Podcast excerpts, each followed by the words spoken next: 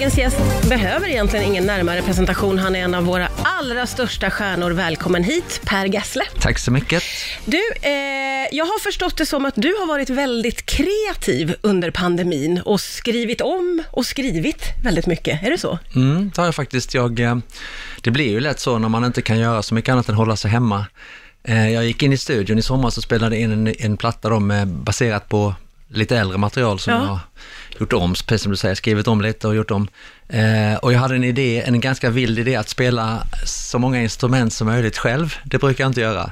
Eh, och det insåg jag, insåg jag ganska snabbt att det var kanske inte sådär super Men, men vad, vad, du gav dig på det mesta då, Ja, eller? jag, jag gjorde faktiskt det, men jag insåg att jag var ingen bra basist och jag, kun, jag kan inte spela trummor. Inse det Per. Man får, får en väldigt rolig bild av dig i studion där du håller på att trilskas på med, Ja, med trummorna. Ja, du skulle varit med. Men, äh, men det blev en ganska härlig platta och det det blev en ganska skojig idé att gå tillbaka. Jag gick tillbaka till material som jag skrev på 80-talet och gett bort till andra artister. Segla Ja. på ett moln till exempel som Anneli Redé spelade in. Och Ja. Lite annat sånt där och, och äh, andra låtar som jag inte riktigt har gjort klart eller som har blivit över på, av olika anledningar. Ja. Hur är det att gå igenom sin egen låtskatt sådär? Eh, nej, det är ju både eh, roligt och eh, oroligt. När är det oroligt? ja, men det finns ju ganska mycket som man tycker, herre Jesus, vad, vad menade jag med det här liksom?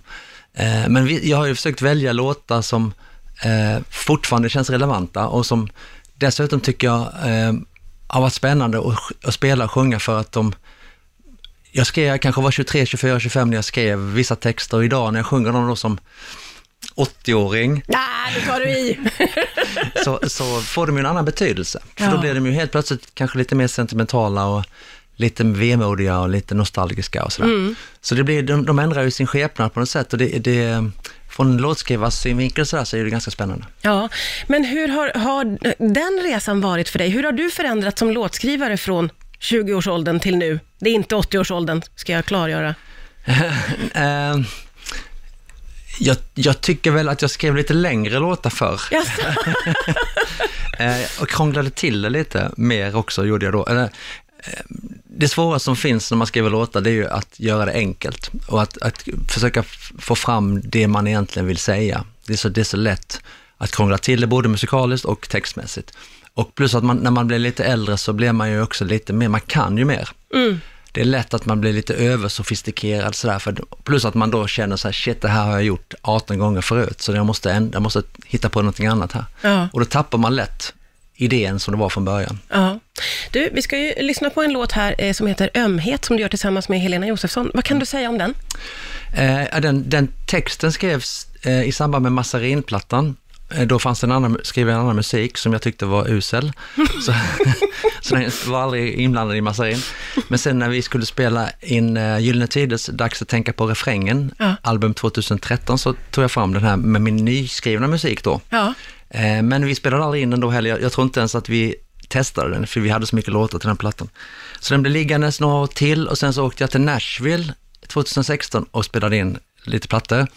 Eh, och då var den med i bagaget, men den dök aldrig upp i studion där heller. Så den har, den har legat till sig nu efter, så det, det är ju från 2002 egentligen. ja, just det. Den har verkligen Och legat till sig. Musiken är från 2012 då. Ja, och vi ska få lyssna på den nu här på Rix FM. Det var ju chockartat för många av oss när Marie gick bort. Hur var den perioden för dig? Eh, det var ju hemskt såklart. Det är ju fruktansvärt när en sån nära vän och, går bort. Det är...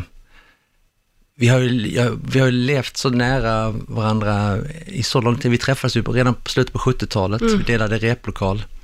Spelade i olika band och delade replokal i slutet på 70-talet i Halmstad.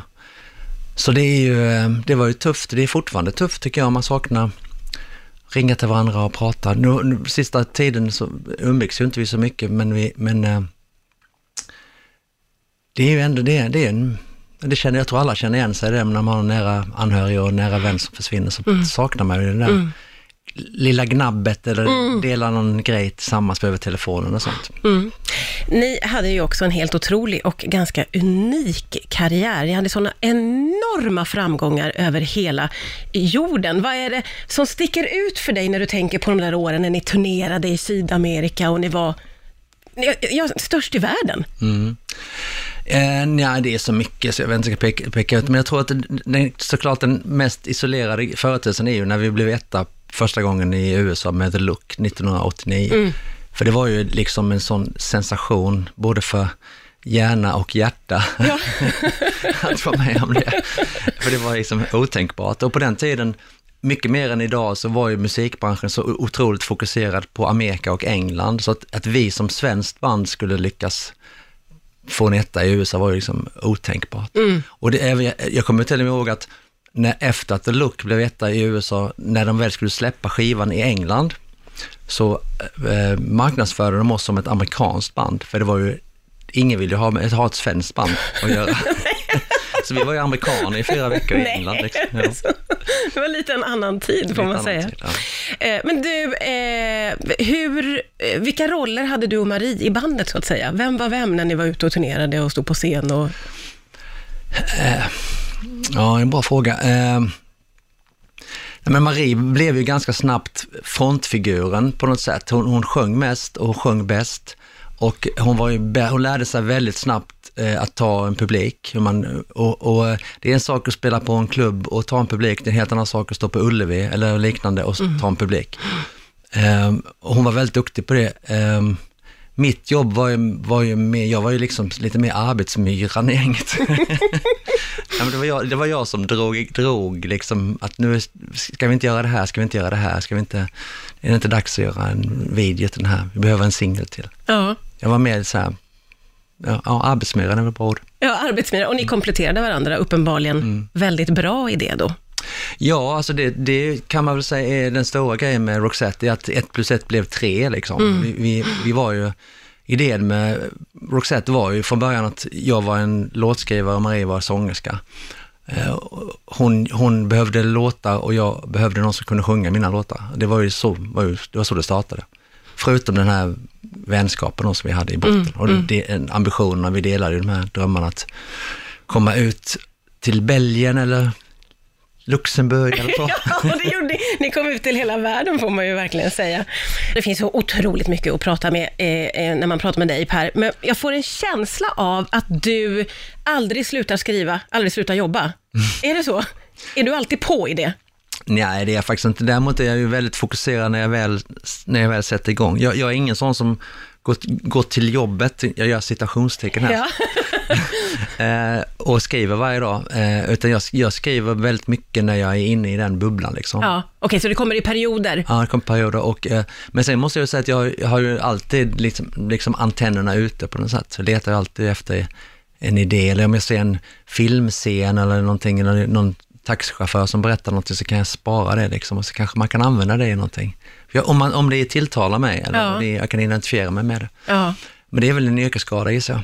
Ja, och då, då, känns det som att du kommer att fortsätta, du kommer att spara de här små ja. idéerna och fortsätta skriva så länge du bara Ja, det är ju det kan. som är spännande tycker jag, att skriva och skapa stämningar och skapa eh, intryck och, och förhoppningsvis kommunicera till andra människor med det. Mm. Det är mitt sätt att uttrycka mig på något sätt.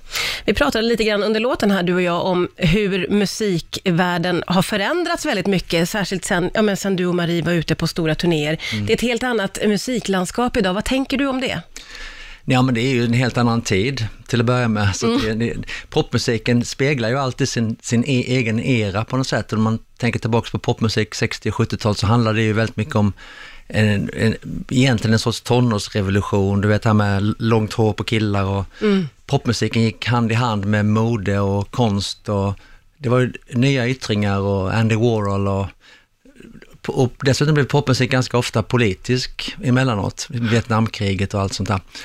John och Yoko. Och, mm. eh, nu är ju popmusik lite mer eh, formula, ofta, alltså mainstream popmusik är ju väldigt laptop-tillverkad om man ja, säger. Ja, verkligen. Det, det, är, det var en annan tid. Jag, man, jag tänker till exempel på, om man lyssnar på Marie till exempel när hon sjunger Listen to your heart eller It must have love, så är det ju en, hon sjunger ju på riktigt och det, det fanns ju inga tekniska hjälpmedel utan det är ju, det är ju en, en, en, väldigt bra tagning, eller ett par bra tagningar mm. som är ihopklippta. Men nu, nu, nu kan man ju trolla så mycket i datorer och sånt, så att man, det blir ju en, det är, en, det är, en annan, det är ett annat hantverk liksom. Ja, det är det ju verkligen. Det är det Och det verkligen. är ju en, jag ska inte sitta och säga att det, att det var bättre förr, det är bara att det, jag kommer ju från den generationen och är uppvuxen med 60, 70, 80-talsmusik, så det är klart att jag, mitt hjärta bankar ju för den stilen. Mm. Ja, det är klart. Eh, vad, eh, vad, vad händer för dig framåt nu? Det är ett väldigt speciellt år detta naturligtvis. Hur ser det ut för dig? Eh, nej, jag håller faktiskt på att göra sånt här som jag gör just nu, prata med radio. jag har suttit i, eh, i hela dagen idag och Zoom-intervjuat med Argentina. Oj, ja. Eh, och jag har lite sådana eh, grejer på gång här framöver.